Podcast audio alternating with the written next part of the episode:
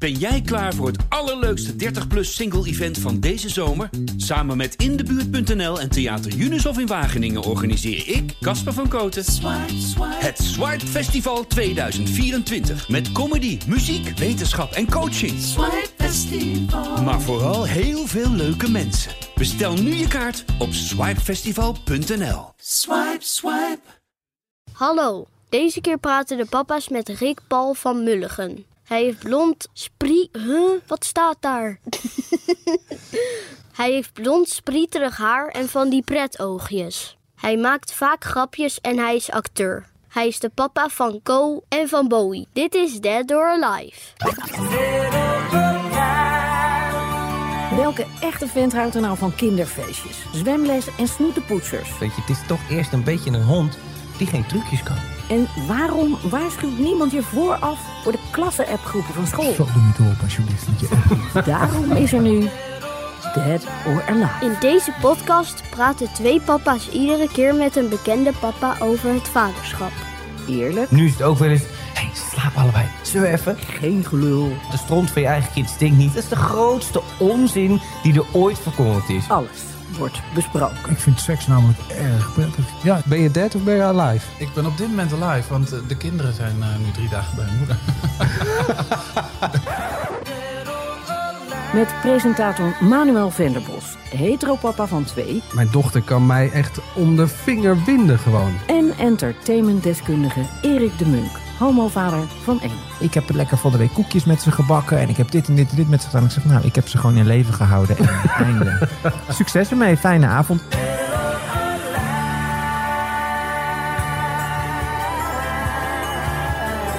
Dead or Alive. Nou, daar zitten we dan weer. Eh, nieuwe aflevering van Dead or Alive. We gaan Zeker. het hebben over het vaderschap. Wat voor een uitputtingsslag het kan zijn. En ook over ja, de momenten die het dan toch energie geeft. Die zijn er ook, hè? Die zijn er zeker Ja. ook. Daar komen we zo op. Ehm, nou, we gaan zo meteen acteur Rick Bal van Mulligen. Het hemd van het lijf vragen over alles. Maar we beginnen natuurlijk even met elkaar. Ja, Manuel, hoe zit jij erbij deze keer? Nou, eh, ja, eigenlijk dead en alive. Eh, want mijn dochter van 12 die kwam van de week thuis en die vertelde dat haar fiets nu klinkt als een brommer die aanloopt. En dat die aan, nou ja, de fiets loopt aan, zeg maar. Eh, wat was er gebeurd? Eh, ze was gewoon ergens op straat wezen fietsen. Mijn dochter is dus 12.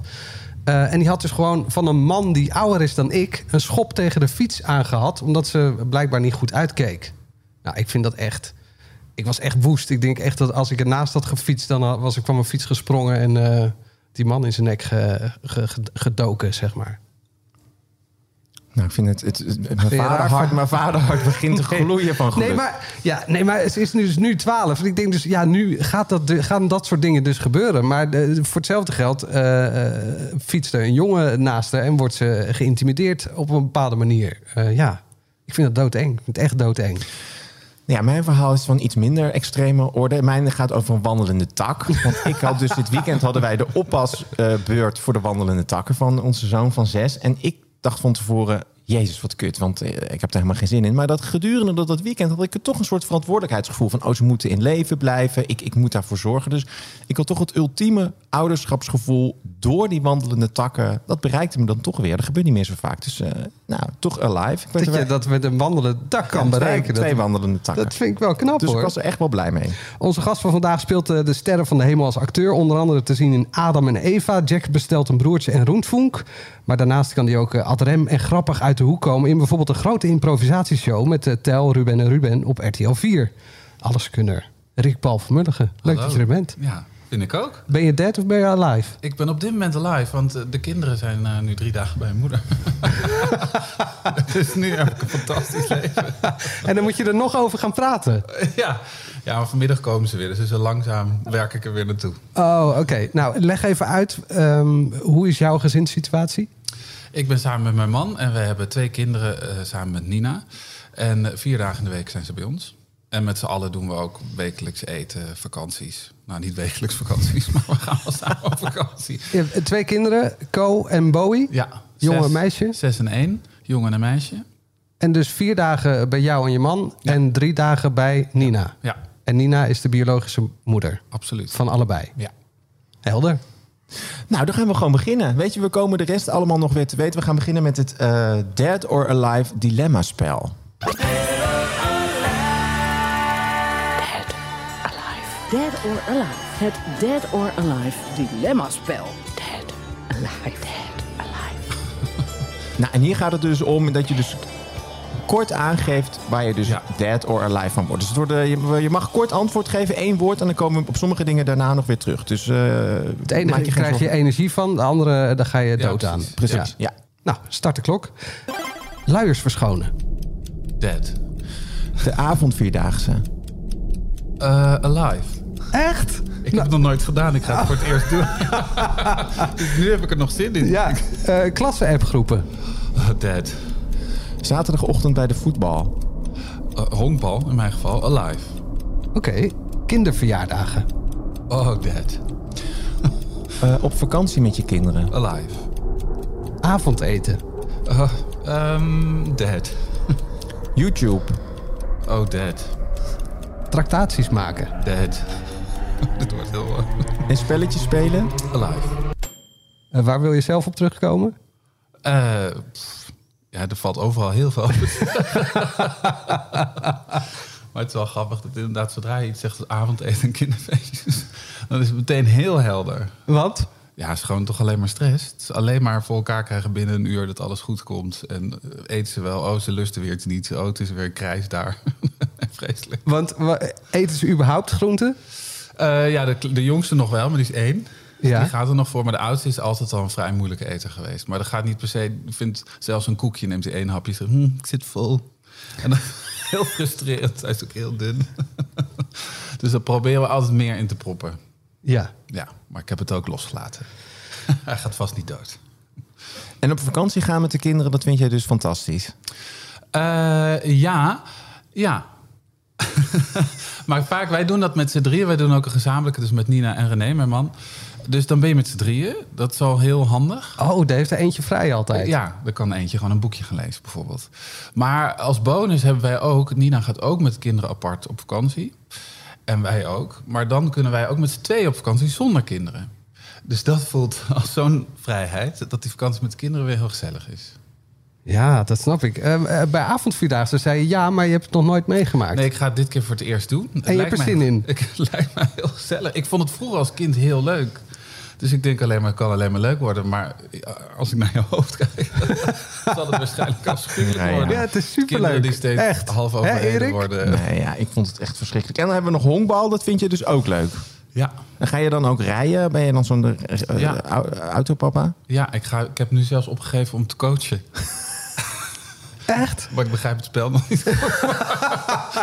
maar ik vind het, ja, hij vindt dat zo leuk. En ik vind het zo'n sympathieke, gezellige sport. Het is heel aardig. Niemand staat te schreeuwen langs de lijn. Het is allemaal hele Oh, gezellig. dus het is ook heel anders dan voetbal. Ja, het is absoluut niet agressief. Heel lief en gezellig en leuk. Home run, yay.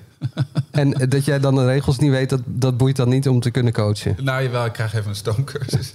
Tot nu toe stond ik altijd, waarom rent hij daar? Maar als het dan niet goed gaat, ben je dan van de positieve feedback van... nou, eh, hier ja. kun je wat van leren? Of van, Jezus Christus, doe wat beter je best. Oh, nee, dat interesseert me helemaal niks. Nee, ik moet juist iets meer mijn best doen van de sla harder. Of, ik vind alles heel schattig en grappig. Eh, laten we bij het eh, begin beginnen. Eh, hoe lang geleden werd je vader? Eh, bijna zeven jaar. Wordt over een maand zeven. En hoe ging dat in jullie geval? Eh, nou, via de vagina. Is dat gelijk al een impertinente vraag, Erik? We hadden het hier van Nee. tevoren over gehad. En eh, ja, ik ben natuurlijk een hetero. Eh, Jullie zijn homo. Maakt dat nou ja, meer gewoon worden kinderen op dezelfde manier geboren. Ja. Ja. Nee, je mag mij alles vragen hoor. Maar ehm, hoe ging dat? Eh, ja, Nina ging bevallen. Wij waren erbij. Oké. Wij hielden haar vast. Maar er zit nog één fase voor. Want je moet dan beslissen eh, of, of jij de biologische vader wordt of je, je man. Ja, maar bij Co, eh, het maakt ons allebei niet zoveel uit. En toen hadden we gehoord dat eh, meerdere verschillende zaadjes in een vrouw voor de vruchtbaarheid bevordert. Dus we dachten, oh, nou, daar gaan we er samen voor. Nou, binnen een maand zwanger. Dus Wat? dat was ook, Dus je hebt een soort cocktail gemaakt. ja, nou ja, om de dag. Dus de ene dag die, de andere dag die. Want zaadjes gaan vechten, namelijk met elkaar. Ja. En als je ze in één potje doet, dan maakt elkaar allemaal dood. Dat is niet zo goed. Maar als je het om de dag doet, dan gaan zeg maar de sterkste harder zwemmen... en de rest gaat vechten tegen elkaar, zodat het sterkste vooruit komt. Nou, dat. Oh. En, eh, Ja. Dus dat hebben we gedaan. Dus we wisten niet tot hij geboren werd. We weten het officieel nog steeds niet. We hebben nooit een DNA-test gedaan. Maar hij is het spitting image van mijn man. Dus het kan maar niet anders dat het eh, van hem is. En bij de tweede dachten we toen, nou laat ik het eerst eens proberen. Misschien is het leuk dat ik dan ook mijn genen doorgeef. En dat is ook gelukt, godzijdank. Want het vond ik heel spannend. Ja. Dus mijn beurt zal, zal niet lukken. Want m- maakt jullie dat uit of, of dan een biologisch een kind van jou is of niet? Nee, nou na Co niet. Het was natuurlijk wel als Co er dan eenmaal is en eh, je hebt door hij is van René. Ja, ik heb nooit iets gemist qua gevoel. En nu de tweede er is, ook voel ik helemaal niks anders. En ik voel ook niet, nee. Maar heb je ook niet, want dat is dus bij mij altijd, dan vragen mensen dus meteen, ja, wie is dan de echte vader of dat soort dingen. Ik word er altijd een beetje kriegelig van. Ja, mag ik dat niet vragen? Nee. Nou ja, ik denk altijd, ja, echt, eh, het is toch maar net hoe je het ziet. Nou ja, wat, wat, wat vind je daar belangrijk aan die vraag? Voor mij is het namelijk heel kwetsend als jij... Wat, wat betekent dat voor jou als ik zeg... nee, ik ben niet de echte vader? Denk je dan, oh, hm. Snap je? Dat, dat kaartje hangt er meteen aan. En mensen vragen mij nu ook bij Bowie, is mijn biologische dochter... voel je dan nu ook echt meer dan bij Co? Die vraag komt er ook heel veel aan. Daar word ik echt woest van. Ja. Want dat vind ik kwetsend voor mijn zoon ten eerste... als hij dat ooit zou moeten horen. En het is gewoon echt niet waar. En het is een belediging naar alle geadopteerde kinderen. Naar alle kinderen die misschien door de buurman zijn verwekt. Maar jij denkt dat die van jou is, weet je. Je Ja. houdt gewoon van een kind, omdat het ook... Dat gebeurt gewoon. Nee, ja, dat snap ik wel. Maar andersom is het voor het kind toch wel belangrijk om te weten... eh, Ja, maar dat mag wie, ook. Wie Daar mijn hebben we het ook biologische over. vader is. Zeker, daar hebben we het ook over. Alleen voor jou op straat, als jij mij ontmoet, niet. Nee, En is het vooral belangrijk dat je weet dat ik 100% vader ben. Ja. ja. ja. En dat groeit ook echt wel zo, want ik had van tevoren ook geen idee. En bij ons is het inderdaad ook zo. Ik ben biologische vader en mijn liefje die is alles voor hem. Dat is ook een beetje het gek. Ik heb hem dan gemaakt, als in met mijn met met mijn zaad. Maar mijn liefje heeft hem vooral opgevoed. Weet je, die zijn zo dicht bij elkaar. Dan denk ik, als je dat dan ziet, denk ik, het maakt echt, echt niet uit waar je vandaan komt. Nee. Nee, maar, ja, nee, maar eh, voor voor het kind is het wel handig om te Tuurlijk, weten. maar goed, dat moet je dus gewoon open en eerlijk Ja. houden. Maar het maakt niet, ja, ik vind het echt niet uitmaken. Rick Paul, eh, wilde je altijd al vader worden? Nee. nee, eh, maar René, mijn man wel. Al heel lang. En ik niet. Maar ik dacht meer toen ik uit de kast kwam, toen ik 16 was, automatisch van, nou, dat kan dus niet. Ik kom uit Noordoost-Groningen, heel klein dorpje. Dus homo zijn betekent geen kinderen hebben. En, eh, En er stond gewoon een rood kruis. ja, dat dacht ik gewoon, dat kan gewoon niet. Dat heeft gewoon niemand. Ik had ook geen voorbeelden. Ik zag niemand die dat had. Dus, ik dacht dat, dus dat had ik een beetje afgesloten. Dus toen ik mijn man tegenkwam die dat heel graag wilde, dacht ik, oh, maar hoe dan? En toen is het langzaam gaan groeien. En was het dan ook, in mijn geval was het voor mijn ouders, die hadden het ook een soort van afgeschreven van nou, dat gaat nooit Ja. gebeuren. En die waren een soort van extra blij en extra trots toen het dan toch gebeurde. Ja. Was dat bij jou ook? Ja, heel erg. Ja. Die hadden dat ook meteen afgesloten. En dat van hun derde kind ook nog kleinkinderen kwamen. Ja, ongelooflijk. Ja, mooi hè? En ben je dan een, eh, een babypapa of wordt het eh, vanaf een jaar of 2,5, 3 wordt het dan leuker? Nou, het lullige voor Bowie is... Ik was bij Co een babypapa. nu heb ik liever een instapmodel vanaf anderhalf ongeveer. Dat is ze nu. Superleuk is ze. Want wa- wat maakt dat leuker dan? Nou, ehm, ja, je kunt gewoon überhaupt... Je hebt gewoon contact. Ja. Daarvoor is het gewoon... En bij de eerste vond ik het allemaal wel heel leuk. Maar Ko was een soort hele apathische, stille Boeddha-baby. Dus toen dacht ik, ah, baby's zijn superleuk. Niks aan de hand. En Bowie was een krijgskoningin. Dus dat was een heel ander verhaal. Maar, eh, en het is de eerste keer. Dus dan vind je alles ook, denk ik, misschien sowieso bijzonderder, spannender, enger of zo. En omdat Bowie ook zes jaar later, of bij vijf en een half jaar later kwam dan Co, was ik zo met hem meegegroeid. Dat toen het babygebeuren weer begon, dat ik dacht, oh nee, oh shit, dat was ik helemaal vergeten. Oh, maar hier heb ik helemaal geen zin in. Maar ook zelfs in de categorie wat een gezeik. Ja, wat een gezeik. Terwijl ik ook heel graag natuurlijk, ik wil wel zorgen, maar ik gewoon inderdaad, wat duurt het lang voordat we eens een keer leuk oogcontact hebben? Of voordat Ja. je eens een keer zegt wat terug, joh. En eh, daarnet zei je van, eh, ik ben drie dagen even vrij van papa zijn. Ja, kan je dat eigenlijk iedereen aanraden? ja. Ja? Ja, nou ja, ik ben het ook niet anders gewend natuurlijk. Maar ik, nou, ik ben natuurlijk niet helemaal papa af. We hebben nog heel veel contact en af en toe bellen we ook nog. Of een bericht of zo fietsen even langs. Dus het is niet dat ik helemaal afgesloten ben en de deur is dicht. Maar het is een luxe, zeker in de babytijd. Ik kan gewoon bijslapen. Ik kan vrienden zien. Ik kan mijn mannen aankijken. En ja, het is, je hebt je oude leven ook nog een beetje. Ja. Zeker alle jonge hetero vriendenstellen die ik heb zijn heel jaloers als ze dat zien. Met hun wallen. Ja, nou, wel- wij ook hoor. Wij hadden het er gisteren over. We zeiden, oh, ik zou er echt... Want van tevoren dacht ik, oeh, dat is misschien wel lastig... dat je dan van tevoren denkt, nou ja, de helft van de tijd niet. Maar nu denk ik, oh, ik zou er echt meteen voor tekenen. Een goede vriend van mij die is eh, gescheiden. En die zegt dus van... eh, je, je moet als eh, stel wat samen is... moet je ook leven alsof je gescheiden bent. Namelijk dat je dan drie of vier dagen verantwoordelijk bent voor de kinderen. En eh, die andere dagen dat jij dan gewoon eh, in principe vrij bent. Ja, maar dan ben je nog wel alleen. Dan moet je er dus alleen voor zorgen. Eh, ja, dan ben je wel alleen, ja. Ja. ja. Dus dan heb je Dat drie is- dagen heb je heel zwaar. En, Ja. en de andere helft is, is- dan heel, eh, heel leuk. Het is wel extra zwaar als je alleen bent. Ja. En Ja. gescheiden is natuurlijk wel een ander verhaal, want dan ben je wel samen begonnen. En er is iets naars gebeurd waardoor deze situatie is. Dat is natuurlijk anders dan bij ons. We hebben hier bewust voor gekozen en het is vanuit vrede begonnen. En, en we zijn wel bij beide kinderen, heeft Nina ongeveer bijna een half jaar bij ons ingewoond.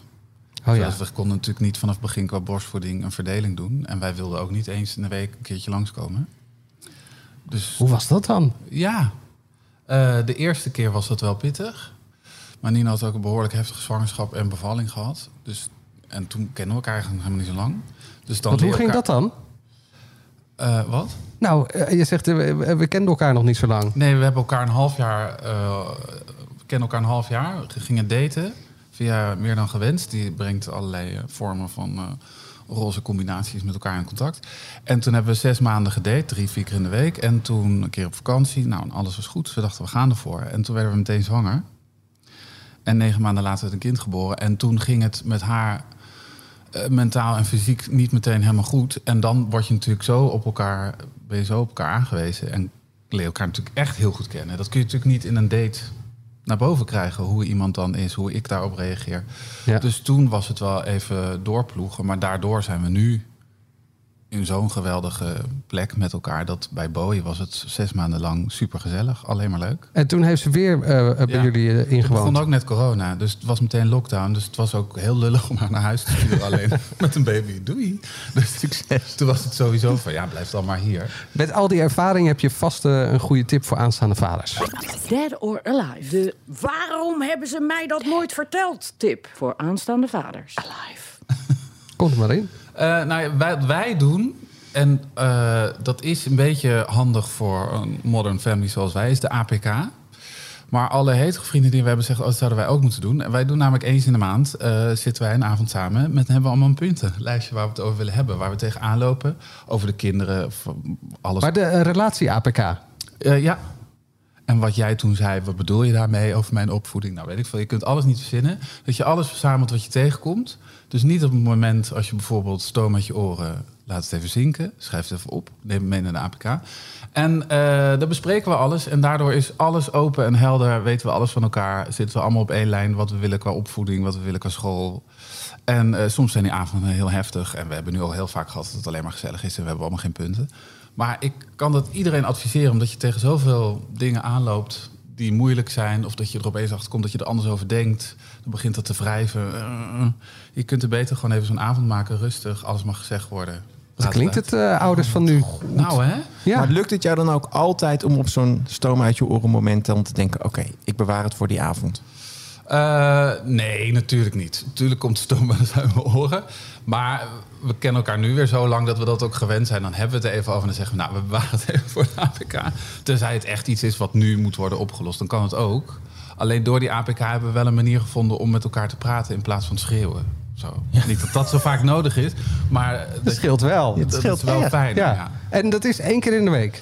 En in de maand. Nou, Eén keer in de maand. Ik zou ik wel heel veel, dat zoveel Nou punten ja. hebben we nodig. Als je dan daarna een kleine beurt eh, doet. Ja, dat is dan bij ons drieën weer wat ingewikkelder. Oh, ja. Ja. Oh, dat is met z'n drieën ook. Ja. Ja, Manuel, dat Oh, was ja. toch heel duidelijk? Nee, dat was Ik voor mij dat Ja, meteen. het is juist met z'n drieën, maar het is juist ook een tip voor mij als je maar met z'n tweeën bent Ja. om dat te doen. Want wij bespreken, mijn man en ik, dan ook gewoon dingen. Het is niet alleen maar wij tegen Nina en Nina tegen ons. Het is gewoon over en weer alle drie de kant op. Ja, helder. Ja, nou we gaan nog even door met ons gesprek waar we mee begonnen waren. Als jij jezelf op een soort spectrum van het vaderschap moet eh, pinpointen, wat voor vader zou jij jezelf dan noemen? Ja, ziet het spectrum Streng, sportief, echt een spelletjesvader, eh, dat soort dingen. Ehm, De man die het vlees snijdt.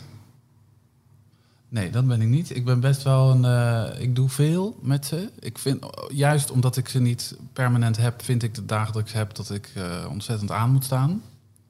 Wat niet altijd lukt natuurlijk. Dus als ik één keer koekjes bak en een spelletje heb gedaan, dan mag ik de rest van de Ja. dag ook gewoon een beetje rommelen.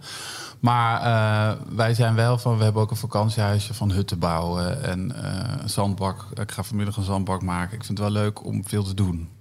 Zeker Koos, een vrij actief jongetje, die wil veel bouwen, knutselen. Die maakt allemaal plattegronden van een parkeergarage voor zijn auto's. Dan moeten we die timmeren. Dus, maar dat vind ik heel leuk. Dat Oh, wauw. En, en dan ga je ook timmeren. Ja, en hij, heeft dan, hij spaart Skylanders, soort afschuwelijke popjes. Maar goed, dan wilde die van Sinterklaas... oh, hij mag niet luisteren, Sinterklaas heeft dat gemaakt, hè, Ko? Maar eh, wilde een kasteel. En dan hebben wij een gigantisch kasteel gemaakt en geschilderd. Zo. Dat vind ik wel heel leuk om te doen. Wauw. Ja. En hoe hou je dan die spanningsboog zeg maar de hele dag actief? Ik heb daar wat moeite mee. ja, maar dat vind ik met Ko inmiddels dus makkelijk, want die gaat natuurlijk naar school. De spanningsboog is veel korter. en dan wil hij alweer spelen met iemand, één keer honkbal. Nou, gaan ze weer naar bed. Maar met Bowie merk je inderdaad, met zo'n baby is wel echt... Oh, het duurt een dag dan lang soms. Hè? Ik ben om tien uur zit je alweer naar het plafond staren met zo'n depressieve staar. Maar eh, ja, vooral mensen opzoeken. Toch? Mensen op zoek erop uitgaan, een beetje plannen verzinnen. We gaan even naar dat speeltuintje lopen, even terug. Dan heb je er weer een uur op zitten. het klinkt Ja, dat klinkt alsof je moet doorbijten. Maar dat Ja, maar is, het is is toch het. soms Ja, ook gewoon doorbijten? zo. Het is heel gezellig, maar na dat ene gezellige moment van één minuut moet je weer doormodderen. Dat is echt waar. En soms zij heeft echt van die dagen nog dat ze echt als een aap aan mij kan klemmen. De hele dag mag ik er niet eens neer. Ik mag niet eens naar de wc zonder dat ze op me zit. Nou, dat zijn wel dagen dat ik helemaal kierenwiet word. En waarin eh, be- bewonder jij dan eh, je man? Ja, die kan veel makkelijker gewoon zijn gang gaan. Wat heel Oh ja. goed werkt. Dat kan ik ook als hij erbij is. Dat wij gewoon, weet je, dan zit ik te rommelen in de keuken en hij zit wat te doen in de tuin. En dan gaan de kinderen automatisch zelf ook rommelen. Een beetje spelen, wandelen, een beetje kletsen. Dat werkt eigenlijk heel goed. Maar dat kan ik minder goed. En hij kan heel goed gewoon gaan rommelen. En dan gaan die kinderen ook wel mee. Dus hij heeft het wat minder dat hij eh, naar de muur staart. En eh, wat ik me eigenlijk nog zat af te vragen... betekent dat dat eh, de mama van de kinderen eh, altijd alles alleen doet? Ja, Dat is wel petje af dan. Ja, dat is zeker petje af. Ja, we staan, we staan op speed dial natuurlijk als er iets is. Maar hoe ouder ze worden, hoe makkelijker dat gaat natuurlijk. Maar met twee, zeker toen de tweede er net was, zo klein, dat was wel echt eh, pittig. Eén krijzend op de arm en de ander aan je broek. Mama, mama, mama, waar is? Dat is nou eh, in je eentje. Maar zij eh, ja, ja, doet het gewoon fantastisch. Ja, kan Van de mama zeggen. is de kleine stap naar de papa. De onvermijdelijke papa. Ik lijk steeds meer op jou. Oh, dat nummer kan ik niet aan. Meteen huilen, had ik laatst horen. Oh ja? Ja, ik ben een oude, emotionele vader geworden. Nou, over oude vaders Ja, gesproken. ik moet ook altijd Eigenlijk- janken hoor, bij dit, eh, bij dit liedje. Ja, ik ook. Maar goed, we gaan het dus hebben over je eigen vader. Of in ieder geval, hoe, eh, in hoeverre lijk jij nou op je eigen vader eh, in jouw opvoedstijl of in jouw vaderschap?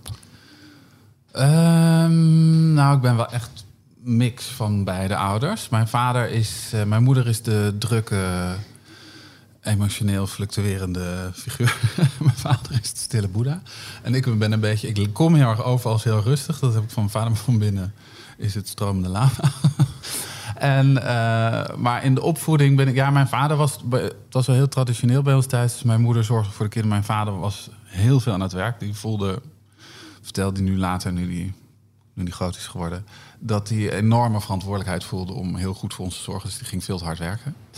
En daar heeft hij nu spijt van. Zegt hij ook, als ik jullie zie hoe jullie met de kinderen omgaan... ik wou dat ik dat had gedaan. Dat doet hij nu met kleinkinderen. Want hij heeft wel veel gemist. Hij was veel Maar hij wilde dus gewoon financieel, eh, financiële zekerheid. Daar wilde Ja, hij hij voelde extreme verantwoordelijkheid dat het niet mis mocht gaan. Dat, eh, ja, met drie kinderen, ja, dat het gewoon goed ging.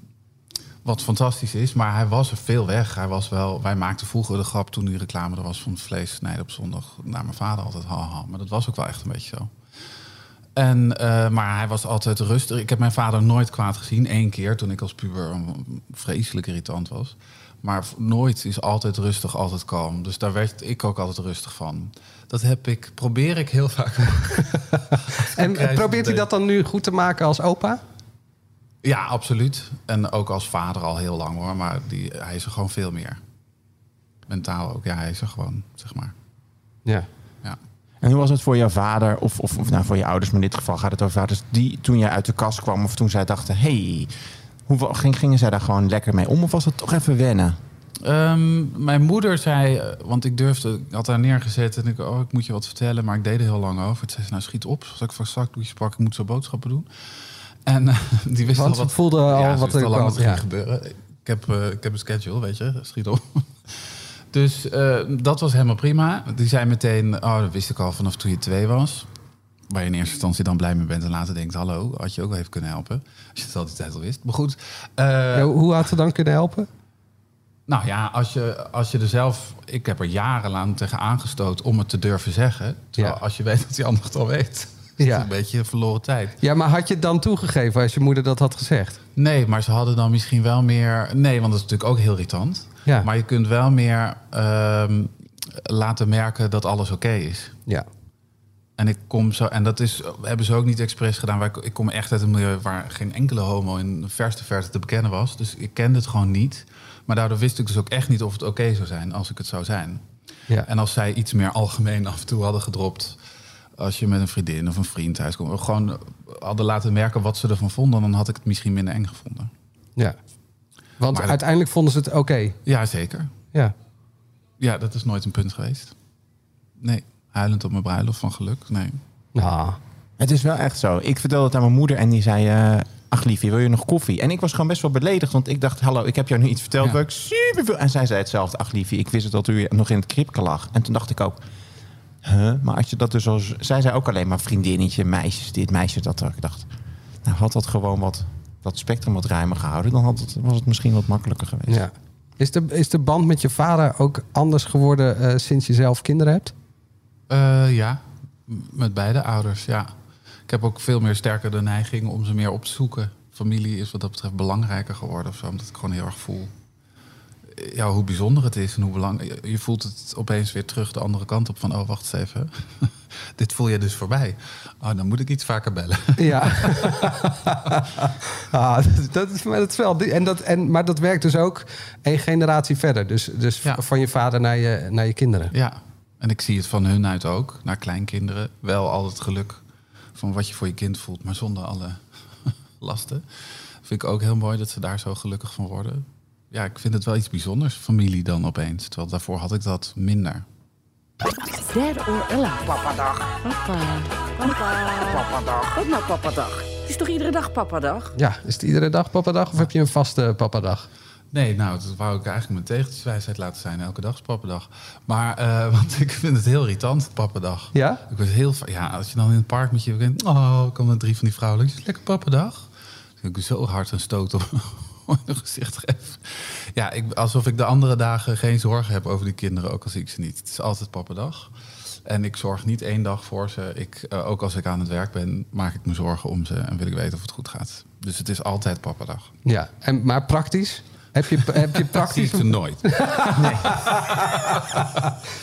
maar eh, kan je praktisch nog wel eh, met je man René afspreken van... nou, op maandag eh, ben ik thuis en werk ik niet... en ben ik alleen maar Nee, voor de maar dat kinderen? is met Of- ons werk heel ingewikkeld, dus dat wisselt gewoon heel erg. Maar als ik bijvoorbeeld een theatertour heb en ik ben s'avonds weg... dan heb ik alle dagen overdag pappendag. Maar dan brengt hij ze altijd naar bed. En als ik eh, juist overdag moet repeteren of filmen, dan is het weer andersom. Dus dat wisselt heel erg. Maar ik probeer er zoveel mogelijk te zijn. En hoe zit het met je- bij jou bij de moedermafia? Bijvoorbeeld, ik sta sta altijd als enige papa ongeveer op het schoolplein tussen de moeders. Is het bij jou ook? Of heb jij toch een soort van mix? Nee, dat valt best mee. Maar het is wel 60-40. Maar eh, veel papa's ook. Ja, nee, ja dus bij mij is het ook... eh, ik ben ook een zeldzame vader op het schoolplein, hoor. Ja, ik woon in de Achterhoek, hè. dat is nog uh, ouderwets. nee, ik, ik in, eh, in Hilversum. Dus Ja, ik Amsterdam. misschien is dat, ja, ik weet het niet. Maar ik zit, de kind, hij zit ook op een vrije school. Dus dat zijn misschien allemaal hele invested, eh pottenbakkende vaders. Dead or Alive. Het perfecte plaatje. Het perfecte plaatje. Ja, het perfecte plaatje. Dan scrollen wij altijd door de social media kanalen van de vaders die wij hier te gast hebben. Ehm, heb jij een soort, of hebben jullie een soort social media policy afgesproken met betreft eh, de kinderen? Ja, tot, en toen kwam corona.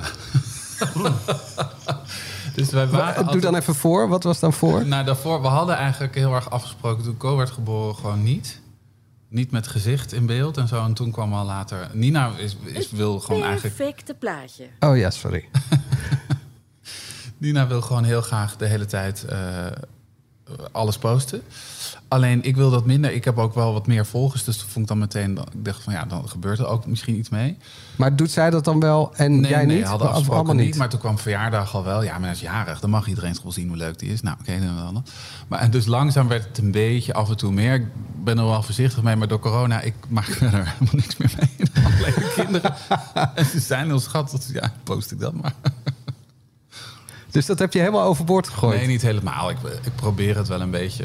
Nou, ik zie je ook eh, kussend met je zoontje staan of zo. zo. Ja, maar dan denk ik, oh, dat is de zijkant van hun gezicht. Oh, oké. dat is nog... eh, En wat vind jij dan van het gegeven dat, dat, dat, dat pochen met je kind op social media? Dat, eh, laat jij dan ook nog wel eens iets zien van, nou, het is ook wel eens minder leuk?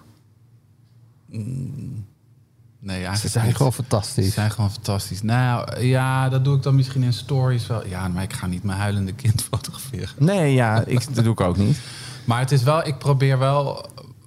Mijn Insta probeer ik sowieso vrij positief te houden. Ik vind social media vrij. Ik heb geen zin in alle trollen en idioten. Dus ik probeer altijd wel extreem positief te zijn.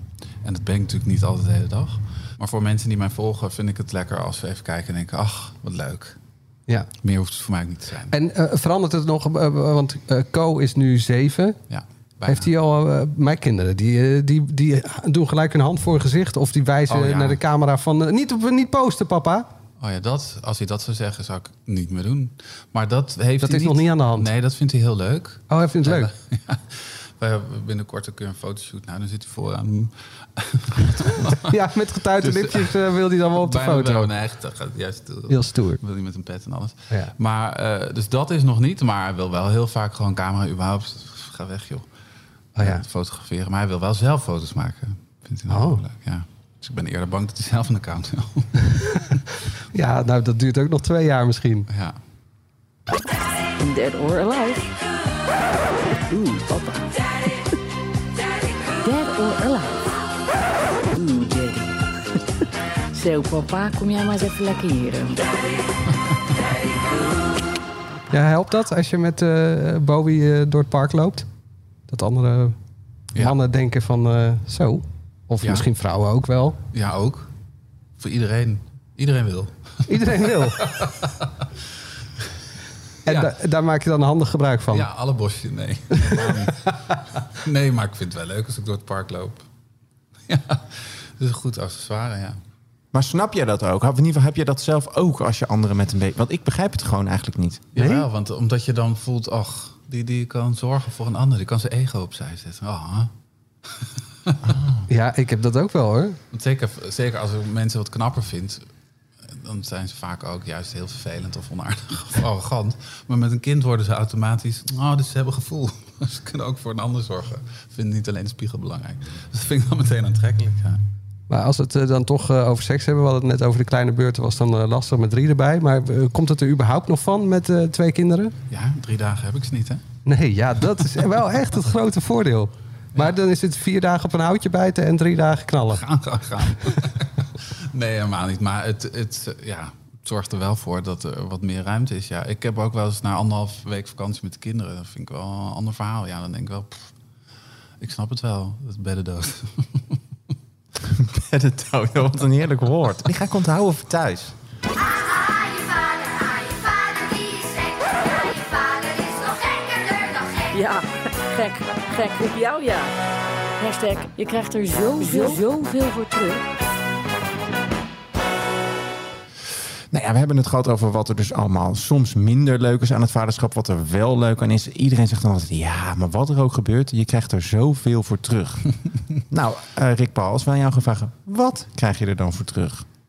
En dan niet cynisch, maar gewoon echt. Ja, puur. Nou, een keer niet cynisch.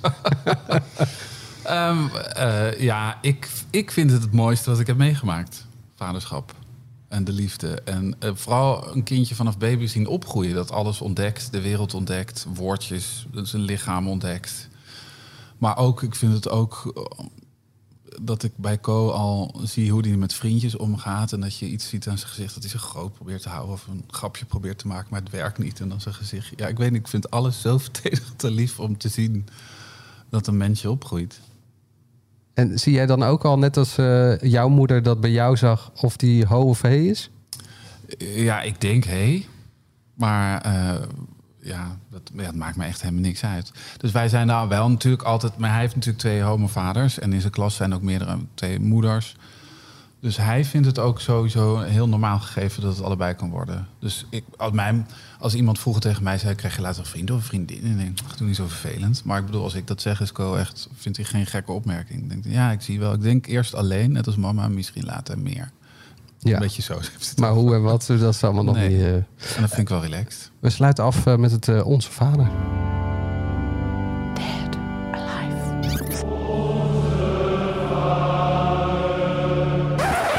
Hier krijgen we van eh, onze vaders dit seizoen eh, wijsheden die eh, nou, misschien wel de eerste tien geboden vormen voor de luisterende vader. Een wijsheid, een tip, een truc, een slimmigheidje.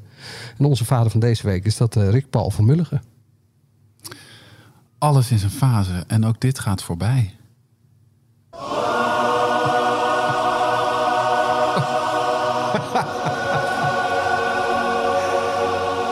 Ja, en dit ook. Maar wat bedoel je ermee? Nou, wij zeggen dat heel vaak tegen elkaar. Als, als ze bijvoorbeeld opeens drie, nachten weer helemaal niet doorslaapt... en dan komt een tand en weet ik veel wat. En dat hebben we ooit ergens gelezen in de Oei Groei of zo. En eh, dan bellen we elkaar op en zeggen... alles is een fase, ook dit gaat voorbij. Maar ook als het heel leuk is, als ze slapen allemaal door... alles is een fase en ook dit gaat voorbij. En het is altijd zo. Niks blijft. Alles is een fase en ook dit eh, gaat voorbij. En dankjewel voor dit gesprek. Graag gedaan. En eh, succes met de avondvierdaagse. Ja, we horen het wel. We horen het graag hoe het ging. ik ga mijn best doen. Volgende keer praten de papa's met Michiel Vos. Die weet heel veel over Amerika. en hij is de papa van Thomas en Paul. Bij de geboorte, dat heeft elke vader, sta je er maar een beetje En je kijkt naar een soort van middeleeuws tafereel met bloed en schreeuwen en gillen. And what are you doing in this room? What the fuck are you doing? I'm not doing it. Weet je wel, zo. Je staat een beetje als Jan Lul erbij. Dead or Alive. Tot vrijdag. Doei!